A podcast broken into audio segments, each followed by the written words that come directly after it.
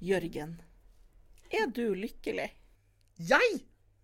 Hvem er ikke lykkelig når man kan være i studio med deg og lage podkast, Monica? Selvfølgelig er jeg lykkelig! Velkommen til podkasten Folk flest.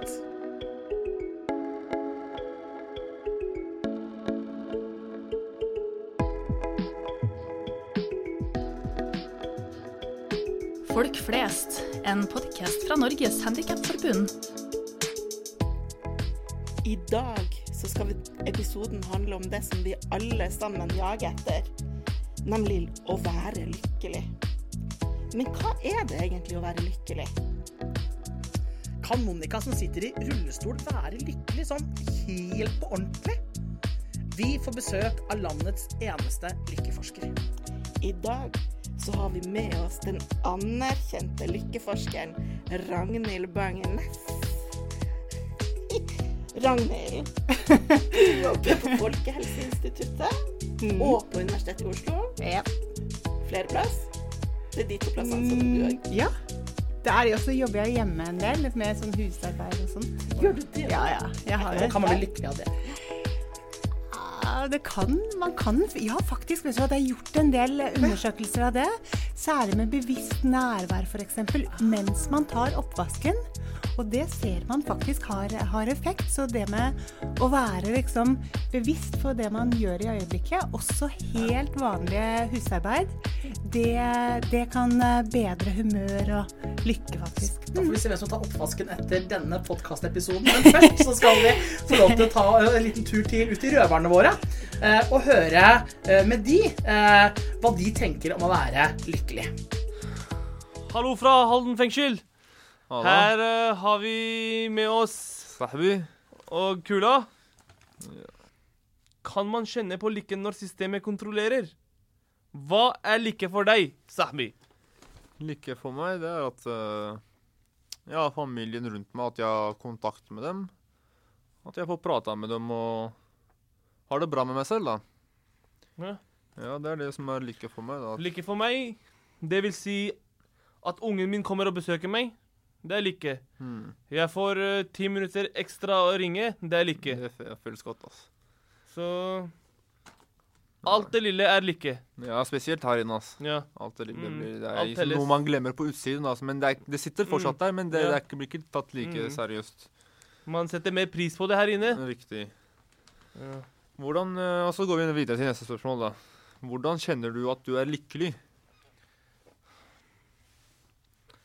Ja, hvordan jeg kjenner det? Jeg vet ikke egentlig, for å være ærlig. Hvordan jeg kjenner at jeg er lykkelig. Lykkelig er jeg den dagen jeg er ute med familien min og Ja.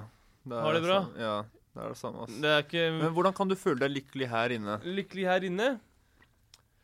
Det å gå på skole Ja. og ikke være inne i oss på cella, Mm. det er å være lykkelig. ja. Nei, da, sier noe der. God Nei, selskap. Ja, riktig. Jeg er også gode folk i avdelingen, da, så klart. Mm, Fordi Hvis ikke, så blir det fort gjort kjedelig. ikke sant? Ja. ja, Nei, men Jeg sier meg enig i deg, jeg. ja. Da går vi bare videre til neste spørsmål. Og som er, eller, ja. Hvordan kan du være lykkelig når du sitter inne?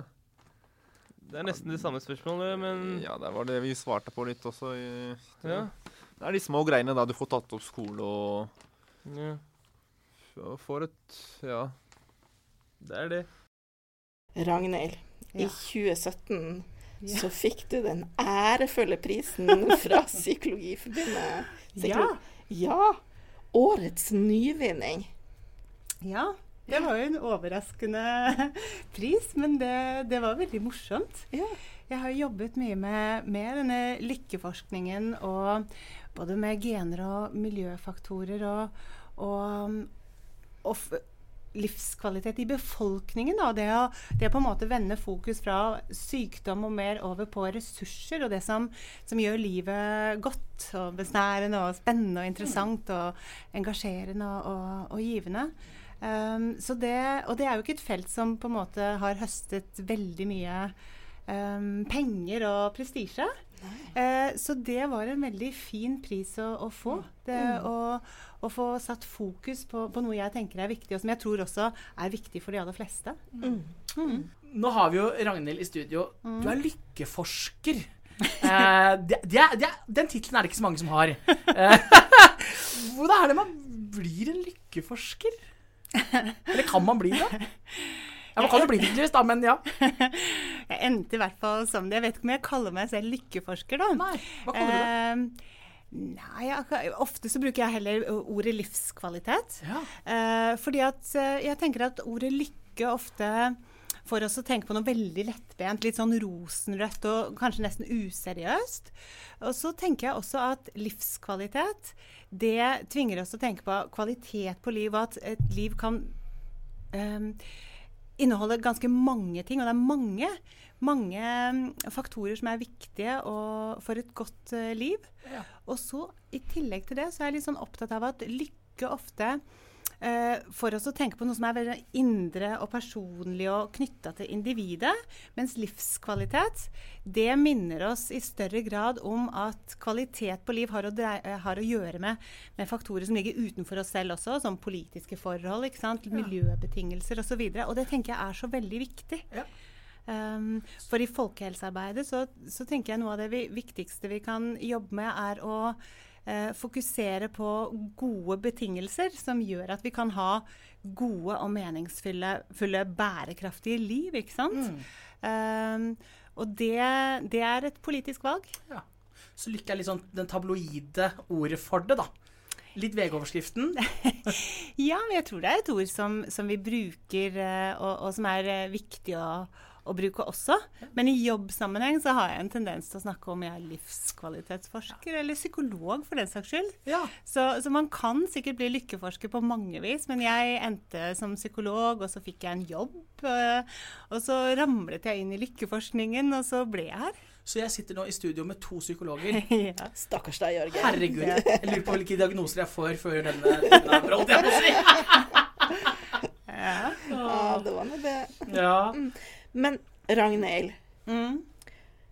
hvordan ikke sant, Nå regner jeg med det sitter mange lyttere der ute og lurer på hvordan, hvordan kjenner man egentlig at man, eh, at man har det godt, og at man er lykkelig, da, hvis vi skal bruke det tabloidordet? Du, jeg tror det er Folk opplever lykken litt forskjellig. Ja, Um, for mange så bra tror- du sier. Ja. Jeg tror for mange så forbinder vi lykken med, med sånn sterke, intense og kortvarige øyeblikk. Mm. Når noe fantastisk skjer, eh, eller noe vakkert. Altså vi opplever noe vakkert eller, eh, eller flott. Mm. Um, og det kribler. Det er nesten sånn magisk bra. bra. Um, og så varer det kanskje ikke så lenge. Um, andre ser nok eh, lykken som en mer sånn harmonisk, vedvarende, dyp glede. Nesten som en slags sånn toneklang gjennom på en måte lange strekk av livet, nesten. Um, uh, så, så jeg tror folk opplever lykken litt uh, forskjellig, men, men det er klart at uh, det er knyttet helt klart til positive følelsesopplevelser. Eh, men mens den dype gleden kanskje har mer å gjøre med en slags opplevelse av ro og harmoni, så, så vil disse lykkeglimtene, disse ikke begeistringene eller ekstasen eller ehm, kanskje være mer kjennetegnet av, um, av at, vi er, at det kribler. Men kan jeg gjøre noe akkurat her og nå for å bli lykkelig? Altså sånn bam! Nå vil jeg bli lykkelig. Du er jo sammen med Monica. Å ja! ja, selvfølgelig. Å, hadde du glemt det? Jo, nei, jeg hadde ikke glemt det. Men, men liksom er, Kan man påvirke? Det Jørgen egentlig spør om. Ja. Om du kan påvirke lykken din? ja. Ja, det kan man nok. Jeg har jobbet mye med, med forholdet mellom genetikk og personlighet og sånne stabile faktorer og, og lykke. Eh, og det er klart at eh, de spiller en rolle, disse genene vi bærer med oss osv. Men det er utrolig mye som vi kan, eh, kan eh, lære, f.eks. Um, altså hele vår utviklingshistorie handler om å tilpasse oss og forandre oss og, uh, i forhold til betingelser. Og det handler om å lære. Og, og vi kan lære mange knep å, om, som hjelper oss til å få flere glimt av glede i hverdagen. Helt klart.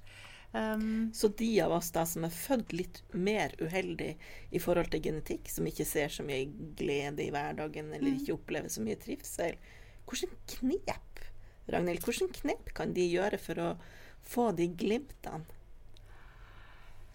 det er nok litt individuelt hva man Ja, liker, og hva man ikke sant, har av interesser og, og, og så videre. Men jeg har jobbet en del med disse Hverdagsgledens fem. Jeg vet ikke, Du har kanskje hørt om de før, Ja, eh, Monica? Nei? Eh, men for britiske helsemyndigheter for en 10-12 år siden så ble det utarbeidet noe som tilsvarer på en måte eh, um, fem, altså frukt og grønt om dagen. ikke sant? Ja, altså Den ja, ja, kampanjen som Verdens helseorganisasjon Mm. har hatt. da. Hva var de fem viktigste eh, faktorene for eh, Eller aktiviteten, eller sant, temaene for den psykiske helsen, eller hverdagsgleden, eller lykken. da. Det var man opptatt av. Og da var det en forskergruppe som gikk gjennom en lang rekke rapporter og eh, forskning osv. Eh, og landet på fem ulike aktiviteter. Um, og det er særlig dette med å knytte bånd, eller sant, investere i relasjonene sine.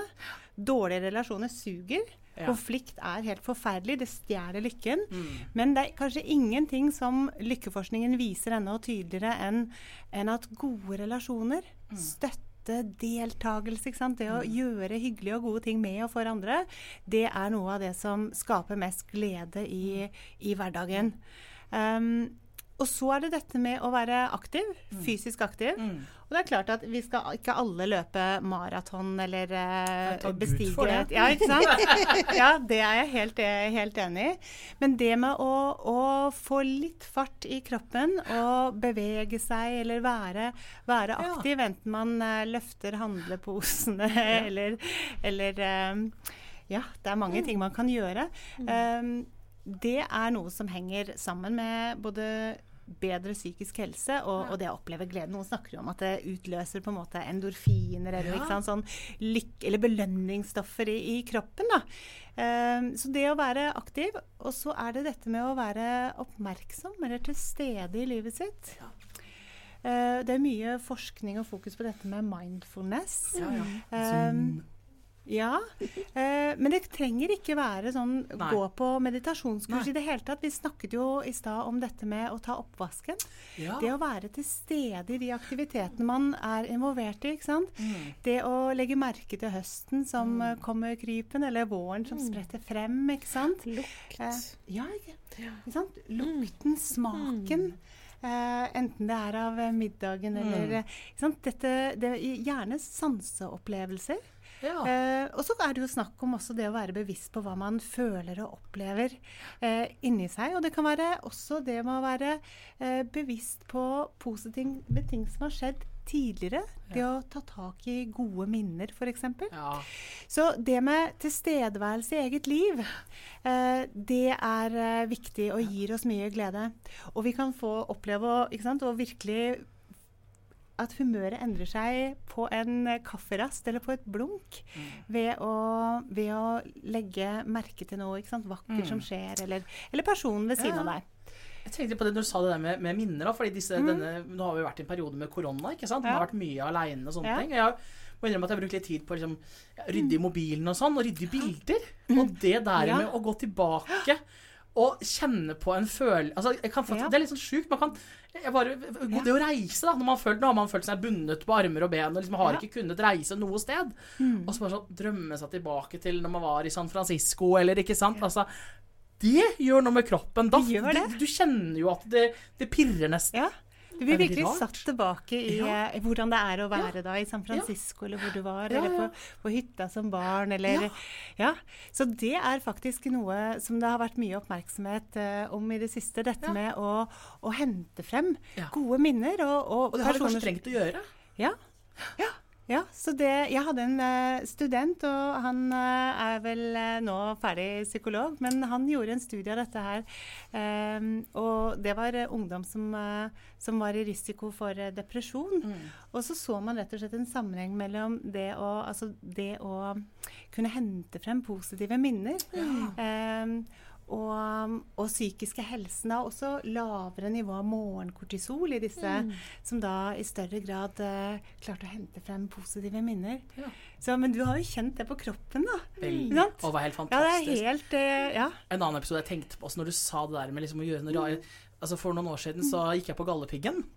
Eh, og det var Altså, dette var veldig mye smerte. Det var helt Jeg skal innrømme, det var helt jævlig. Uh, og jeg hadde så lyst til å gi meg så mange ganger, og jeg gråt, og jeg var bare sånn. Og så kom jeg på toppen. Og så skal det sies at når jeg kom opp på toppen, så hadde det gått veldig veldig mange timer. Veldig mange timer enn alle andre bruker. Jeg er jo en uh, ganske svær fyr som skulle opp på dette fjellet. Men jeg husker da jeg kom opp der, så for det første så var det sludd og snø, og det var tre meters sikt. Så det var liksom ikke egentlig noe som på en måte var Men den før, jeg, det jeg husker var den Det som skjedde, var at eh, tårene begynte å trille. Eh, og det er en sånn reaksjon jeg aldri har fått på, fordi jeg hadde en mestringsfølelse. Jeg hadde en lykkefølelse. Men, men det jeg lurte litt på, var liksom det der med vi, hvordan reagerer du på lykke? Altså, fordi igjen da, jeg, jeg, jeg kjente at tårene trilla, liksom. Og det, er i hvert fall en, det er en reaksjonsmåte jeg ikke har vært vant til. Kan man oppleve ulike måter å, å, å, å kjenne lykke på? Sånn i reaksjonsmønstre?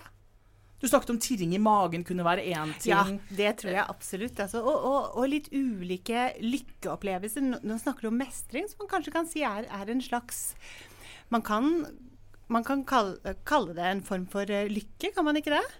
Um, og at det vil være knyttet til litt andre, andre kroppslige opplevelser da, enn hvis du hadde fått et, ikke sant, opplevd å få et deilig stykke sjokolade, for f.eks. Eller, Ja, ja. eller at noen hadde gitt deg en klem. Men jeg, det kan nok hende at du kunne grått i alle sammenhengene. Men Monica, nå hva syns du var lykkelig? Ja? Åh, jeg er jo lykkelig nå. Jeg sitter jo i et studio sammen med så flotte folk. Men så på ekte. Jeg var tulla da. Nei, men sånn, når, sist, er, er det noen ganger Kan du tenke tilbake her hvor du liksom, sånn, kjente virkelig liksom Ja, det du egentlig spør om, Jørgen, det er kan Rullingstad kjenne på lykke? ja, Jeg kan jo spørre om det. Ja. Kan du, Monica, du som sitter i rullestol, kan du egentlig kjenne lykke? Ja! er jo det svaret på det. Selvfølgelig kan jeg det. For akkurat sånn som det Ragnhild sier, det, det er viktig å være til stede i nuet og bruke sansene. Eh, ikke sant? Kjenn mm, en god Altså, hudkontakt er jo bare en eksplosjon av lykke.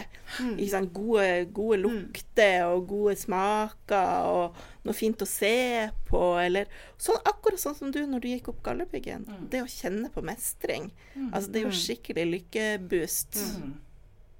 Men er, det, men, men, men er det sånn at funksjonshemmede reagerer på lykke på andre måter enn folk som ikke er funksjonshemmet? Ragnhild, Ragnhild. Det, nei, det vil jeg ikke Nei, tro i det hele tatt. Hvorfor skulle det? Nei, det eneste må være det du snakka litt om i stad, i forhold til genetikk. ikke sant? Men det har jo ikke noe med funksjonshemming å gjøre.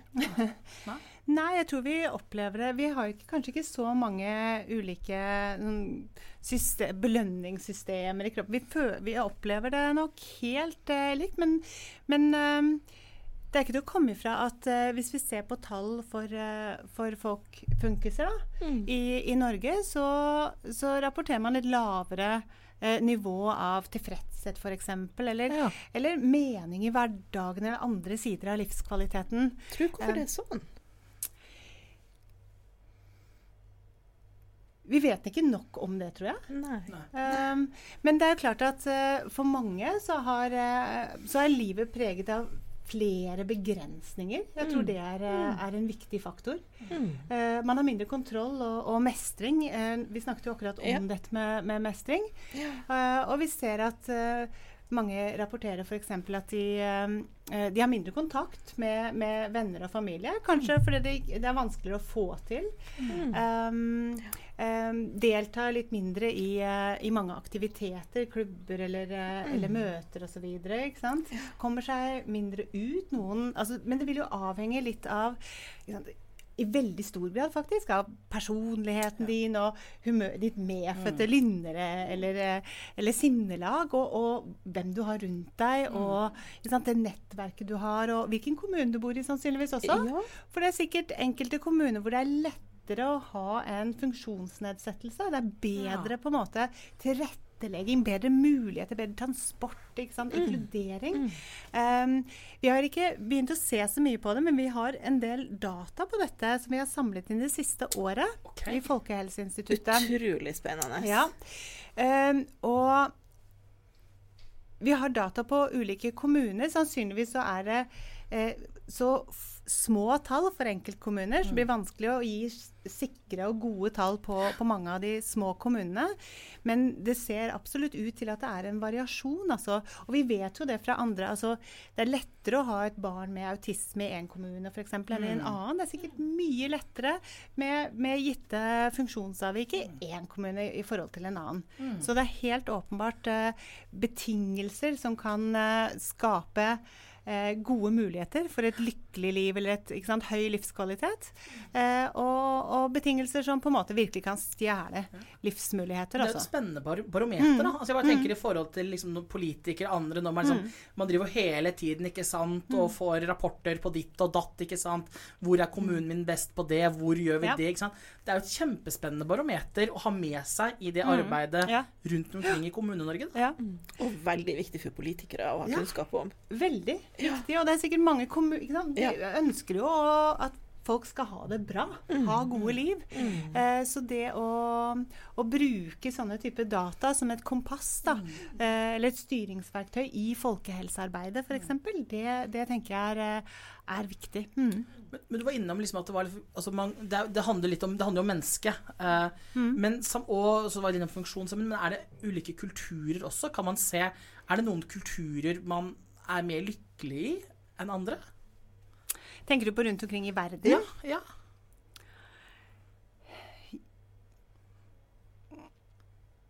Ja, det er liksom vanskelig, vanskelig spørsmål. Igjen så avhenger det liksom litt hva vi legger i, Ja, ja. i lykkebegrepet. Men det er jo helt klart eh, enkelte nasjoner som er mer upbeat, mens andre Mm. på en måte verdsetter på en måte en sånn skepsis og en litt annen type Mm. eh, eh, livsanskuelse for den saks skyld. Man skal være mer skeptisk i Ungarn enn det man skal være kanskje i USA. Da. Ja. Eh, men vi ser jo store forskjeller på kryss og tvers av, av jordkloden i hvor tilfreds eller hvor mye glede folk opplever. Man pleier vel ofte å trekke frem at uh, f.eks. den latinamerikanske befolkningen er mye mer tilfreds og opplever mer glede enn det man skulle forvente ut fra økonomiske betingelser, f.eks. Uh, og så ser man jo at selv om man kan ha det godt sør for Sahara, så er det jammen tøft. Og, og det å leve i krigsherjede land eller, eh, eller med virkelig dårlige eh, leve- og boforhold, det, det suger. Ragnhild, jeg har lyst til å gå litt tilbake igjen til det vi snakka om. Du nevnte at det, var litt, at det var en del forskjeller mellom kommunene, og spesielt kanskje de store kommunene. Ikke og vi vet jo at mange funksjonshemmede de opplever ganske mye kontroll i hverdagen. Og den kontrollen kan handle om at eh, de ikke kommer seg på den bussen, eller at de ikke får den, så mye assistanse som de har behov for, eller at det, sant? det blir ofte, Mange funksjonshemmede opplever at de heller ikke kan bestemme når de skal legge seg, og når de skal stå opp, når de skal gå på do, ikke sant? som basalbehov. Hvordan, hvordan påvirker sånn type kontroll, da? Hvordan påvirker det følelsen av eh, trivsel og livsglede og Jeg tenker at akkurat det er en utrolig viktig faktor. Det er jo noen som har trukket frem akkurat det med opplevelse av autonomi eller, eller en frihet eh, som et helt grunnleggende menneskelig behov, bl.a. i selvbestemmelsesteorien. Eh, hvor man ser på tre, særlig tre grunnleggende behov. Nettopp det for autonomi og det for å oppleve seg kompetent, og det å ha eh, relasjoner eller høre til, nærhet til andre. Um, så det å miste den kontrollen, det, det gjør livet veldig vanskelig. Vi har behov for det. Uh, og vi ser i enkelte undersøkelser også at det er en av de faktorene som kommer høyest opp i forhold til altså betingelser for et godt liv, for høy livskvalitet, for lykke. I enkelte undersøkelser så ligger det helt på topp, faktisk. Men det varierer litt i forhold til, til sosioøkonomi og andre typer forhold. Enkeltmennesker kan i større grad finne seg i det enn andre. Men at det å kunne bestemme når vi skal gå på toalettet, eller ta pause i arbeidslivet, ikke sant? eller på jobben, eller, eller når vi skal legge oss, eller uh, om vi skal spise fordi vi er sultne. Altså, det, er, det, er, det betyr mye for oss. Det er på en måte sånn basale betingelser som, som vi alle har behov for å, å få dekket. Da. mm. Mm. Når følte du deg lykkelig, Ragnhild? Når jeg sist ja, følte meg lykkelig? Sist, sist, ja. Og vet du hva, det var, tror jeg var eh, ja, kanskje sist i går. Ja. Og i helgen Oi, eh, hva gjorde du da? har sittet så mye på baken fra denne pandemien eh, kom, og vært eh, veldig mye mindre aktiv. Apropos, ikke sant? Vi blir eh, fornøyde og gladere av å, å komme oss litt eh, rundt. Og, og jeg har vært i skikkelig dårlig form. Skikkelig dårlig form, faktisk. Så i helgen og i går så var jeg og trente. Jeg har vondt i hele kroppen, da. Ja. Det er jo virkelig sånn det, Alt smerter. Men altså, jeg var så fornøyd. Det var liksom det jeg mestre. Jeg kjente at ikke sant? Ja, det virka. Kroppen virka. Så, så jeg fikk en skikkelig boost av det. Mm. Ja, Sikkert utrolig deilig, da. ja, ja faktisk. Mm. Så ja. Men er det forskjell på For vi snakker jo om liksom lykke og den der følelsen av lykke. Men det er jo noen paralleller her, da, tenker jeg. For en ting er jo lykke, lykkelig. En annen ting er å være glad, mestringsfølelse. eh, eh, kanskje til og med innimellom at eh, litt sånn falsk lykke, eller sånn Altså, hva, hvor er, liksom, er det noen grenser her? På en måte, hva, er, er det noe som stadfester at dette er lykke, og dette er ikke lykke? Nei, vi har nok ikke noen sånne kriterier, altså. Um, egentlig ikke. Um, og jeg tror uh, kanskje er det like mange definisjoner av lykken som det det er uh, mennesker. Ikke sant? Um, vi opplever lykken litt forskjellig, eller finner glede i ulike uh, aktiviteter og, ehm, og ting.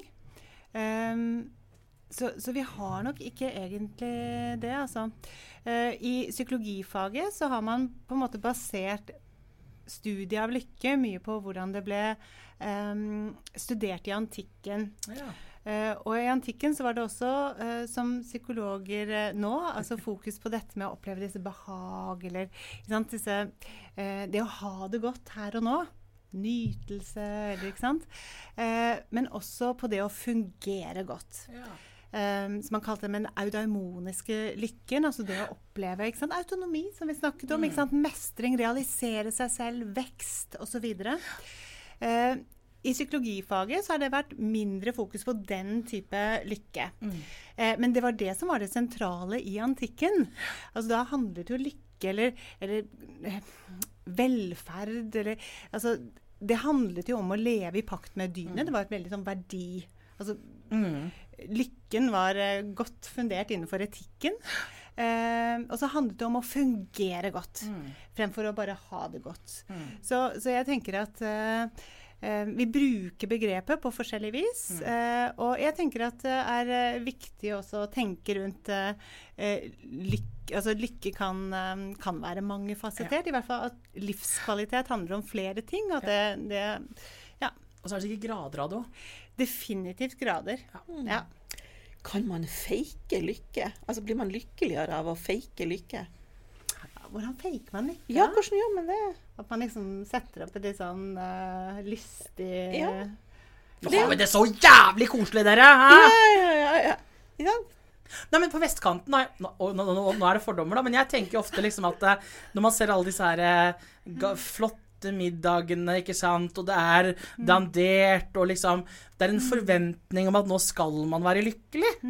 Og så tør man kanskje ikke å si at vet du hva, akkurat nå har jeg det helt jævlig, fordi at man skal ha den derre maska. Altså maska for lykke, da. Mm. Og den kan nok være veldig tung å bære. Ja.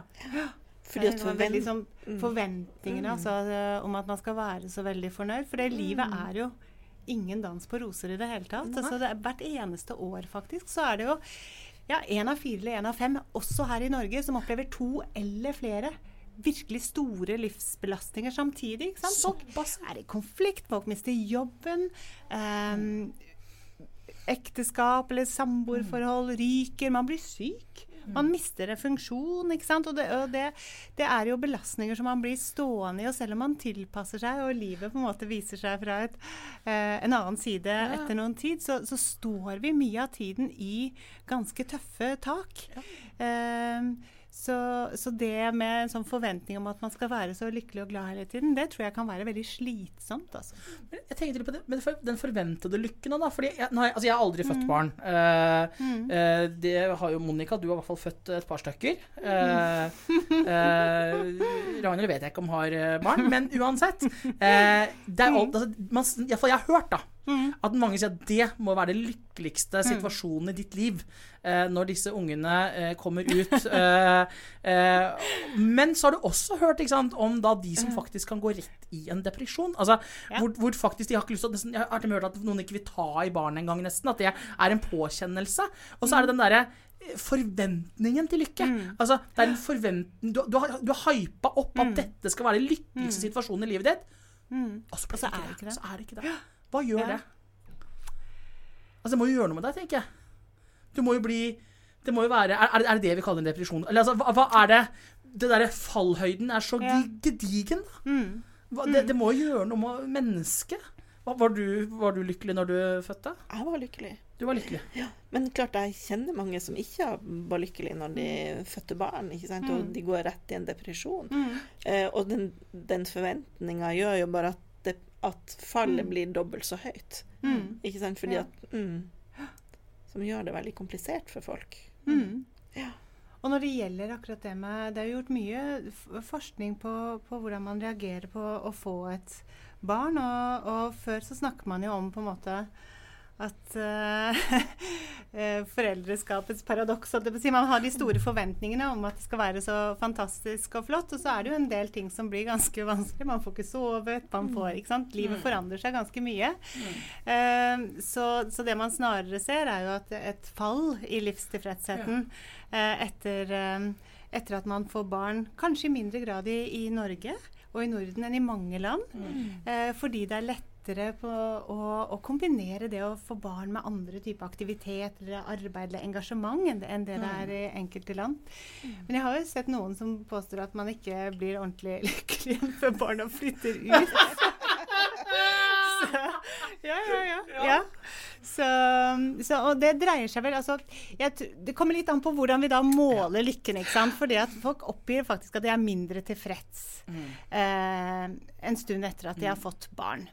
Det er kanskje en sånn aspirasjon så utover i svangerskapet. Så er man ordentlig gira og man gleder seg, og så plutselig bare åh, Jesus. ikke sant? Dette var jo ganske stor belastning, faktisk. Og hvordan er det da hvis man får et funksjonshemma barn? Ja, ja nettopp. Da er det sånn, da er det sånn paradoks, da. Da, er det sånn, da har du vel kanskje masse følelser i kroppen, vil jeg gå ut ifra. Og en sorg. Kanskje en masse sorg. Det, det kan det nok være. Jeg har sett på de én i en artikkel bare hvor vi så på både angst- og depresjonssymptomer og dette med eh, livstilfredshet. Eh, brukte Den norske mor- og barn-databasen. Og så så vi på mødre som fikk barn uten eh, forskjellige eh, sykdommer. Og så så vi på mødre som da fikk barn med leppe-ganespalte. Eh, og så mødre som fikk barn med Downs syndrom. I denne, det, det var fordi vi ønsket å se på eh, tilstander hvor man, foreldrene ikke var klar over på forhånd også. De hadde ikke fått forberedt seg. Um, eh, og vi, vi så jo noe økning i angst- og depresjonssymptomer. Um, og, men i hovedsak noen tilpasning over tid. Men det er klart at når man har et barn som har har sykdom eller utfordringer, så, så blir man bekymra. Så vi så jo at det var lavere livstilfredshet over tid og mer, eh, mer bekymring rundt barna. Og, og vi ser jo i, at ofte mødre f.eks. som har barn, enten det er atferdsvansker eller andre eh, større funksjonsavvik, ikke sant? trekker seg ut av arbeidslivet, ikke sant? Eh, blir sykemeldt også pga. psykiske plager selv. Så, så det kan ehm, det, barn kan være belastende for lykken. Men så er det jo det at vi har de beste øyeblikkene våre sammen med barna. Enten de er sånn eller sånn. Men de bare gjør oss veldig bekymra. Så jeg tror det er det som særlig spiller en rolle. Vi blir bekymra. Eh, og det suger lykken vår. Det, det stjeler. Det er liksom sånne potente lykke, lykketyver, rett og slett. Så, så de fleste opplevelser kommer liksom på godt og vondt. Ja. Barn, enten de er friske eller syke. ikke sant? Vi ler og koser oss med dem, og så ligger vi våkne om natta. ikke sant? F.eks. når tenåringen ikke kommer hjem. eller sånn, sånn. Mm. Ragnhild, helt innledningsvis så, så snakka vi om, så snakket vi om de, f de fem store, Ja, ikke sant? Og vi eh, Jeg tror, hvis jeg teller rett, så tror jeg vi bare var innom tre. Ja, Hva det er de to, stemmer. hva er Ja, de to for det var det med å knytte bånd, og det med å være Ja. aktiv og være oppmerksom, Ja, som vi snakka om. Ja. Eh, de to siste handler om å fortsette å lære. Det å he, ikke sant? Tenk deg det er så mye spennende å, å lære, og jeg tror vi mennesker Enten vi sitter i rullestol som deg, eller, eh, eller er mann som deg, så, så har vi på en måte en sånn Vi har et behov for å strekke oss og utvide oss og, og utforske osv. Så, videre. så det å lære nytt, og det er så lett Vi kan bare ta opp telefonen eller snu oss omkring. ikke sant? Hva, eh, det er så utrolig mye uh, artig å lære. Enten det er å flette fiskebensflette, hvis det er noe som heter det, eller, eller hvordan vi skal lage croissanter, eller Nye eller- språk. Eller nye språk. Nye språk. Og det er jo litt vanskeligere da. Vi hadde faktisk et kurs her i forrige uke i Kristiansand. Og da eh, var kursdeltakerne De fikk bare få minutter. Yeah. Og jeg tror alle fikk en sånn wow-opplevelse. av, Ja, verden! Vi klarer å lære? Vi kan sette oss inn i en hel sånn verden på veldig veldig kort tid, og det gir både mestring og glede og humor osv. Så, videre. så det å fortsette å lære. Em, og så er det dette med å, å gi. Å bidra overfor andre. Em, vi blir lykkeligere av å dele eller bidra overfor andre enn det å f.eks. kjøpe noe til oss selv. I hvert fall i eksperimentelle design. Vi ser ganske eh, klart at, eh, at det å det å oppleve seg selv som en del av et fellesskap, en meningssammenheng, og, og bidra overfor andre. Og hvis vi tenker på det altså gjennom hele vår utviklingshistorie ikke sant? Vi hadde aldri overlevd hvis vi ikke hadde stått sammen, hvis vi ikke hadde samarbeidet. ikke sant? Vi hadde ikke reist templer eller moskeer eller kommet til månen eller noe som helst. Eh, og barn de hjelper hverandre utrolig tidlig. Selv spedbarn på tre måneder har liksom preferanse for sant, eh, det å opp, eh, prososial atferd fremfor mer sånn antagonistisk eller sant, antisosial atferd. Og vi strekker liksom ut en, en hånd veldig raskt for å hjelpe noen som faller. Og noe av det jeg syns er nesten det noe er, det er utrolig kult, at man ser at barn hjelper og helt sånn spontant så tidlig at det er før man utvikler sånne strategiske ferdigheter. Sånn OK, hvis jeg hjelper deg, så hjelper du meg. Altså det skjer på en måte så tidlig i utviklingen at det er på en måte før man da blir beregnende, da. Så dette ligger så dypt i oss. Og det som har vært viktig gjennom vår utviklingshistorie, liksom, det med å knytte bånd, holde sammen, lære nytt, utvide oss og, og hjelpe hverandre, det har på en måte blitt knyttet til, til biologiske belønningssystemer. Det føles godt. Dette er veldig viktig på en måte atferd som, som utviklingshistorien har liksom belønnet. da. Ragnhild, nå begynner vi å nærme oss slutten. Og vi må Nærme å- oss! Ja, er slutten nå. Var det. Det har, vært så kult å snakke med deg og ha, henge med deg. Ja. ja hun hører om alt det, alt det du kan. Ja, det har vært kjempe... Men siste spørsmål, Ja. som vi egentlig spør alle gjestene våre Åh, med. jeg vet hva som kommer nå. Jeg har en følelse av det. Jeg har en følelse av det. Jeg vet ikke om vi har noe svar heller. Hva tenker du at er ditt største handikap? Hvis jeg skal være helt seriøs, Ja. så tror jeg at, jeg er, det, at det er liksom det at jeg er litt for godtroende. Ja. Ja, Ja. Ja. Du, Da får man seg en smell iblant. det gjør man. Ja, det er sant. faktisk. Ja. Mm. Ja. Um, så det kan være en sånn uh, veldig fin sak i forhold til lykken, men også i forhold til ulykken. Men det er jo en veldig fin, det er jo en veldig fin ting, da. Altså, det- men, for det er jo det å være godtroende. Det er jo noe å gi av seg selv. Altså, det handler jo om det. Mm. Ja, det meste kommer med altså, ja, på godt og vondt. Sånn er det jo til og med med ikke sant? Det, det er sikkert ting som du har tenkt på Hvis ikke du hadde sittet i rullestol, Ja. så er det ting du ikke, som, er, som betyr innmari mye for deg, som du ikke ville opplevd ellers. Ja, og det som er, jeg tenker min Det som jeg tenker gjør meg mest lykkelig med å tenke at jeg sitter i rullestol, det er at nettopp at jeg slipper å ta oppvasken, som vi snakka om innledningsvis. Men jeg tror, uansett hvordan man snur og vender på det, så tror ikke jeg det ville ha gjort meg lykkelig. Så da er vi enige om at Monica tok i hvert fall ikke oppvasken etter denne podkastepisoden. Men det har vært veldig hyggelig å ha deg her i studio, Ragnhild. Og så, Jeg skjønner at det er jeg som må ta oppvasken, men det er helt greit, for jeg er mann. Takk for i dag, alle sammen. Denne podkasten ble produsert av Røverradioen for Handikapforbundet. I redaksjonen var Elisabeth Hoier, Gabriel Hoff, Monica Haugen, Jørgen Foss, og takk til vår faste lydmann Trond Martin Hauge.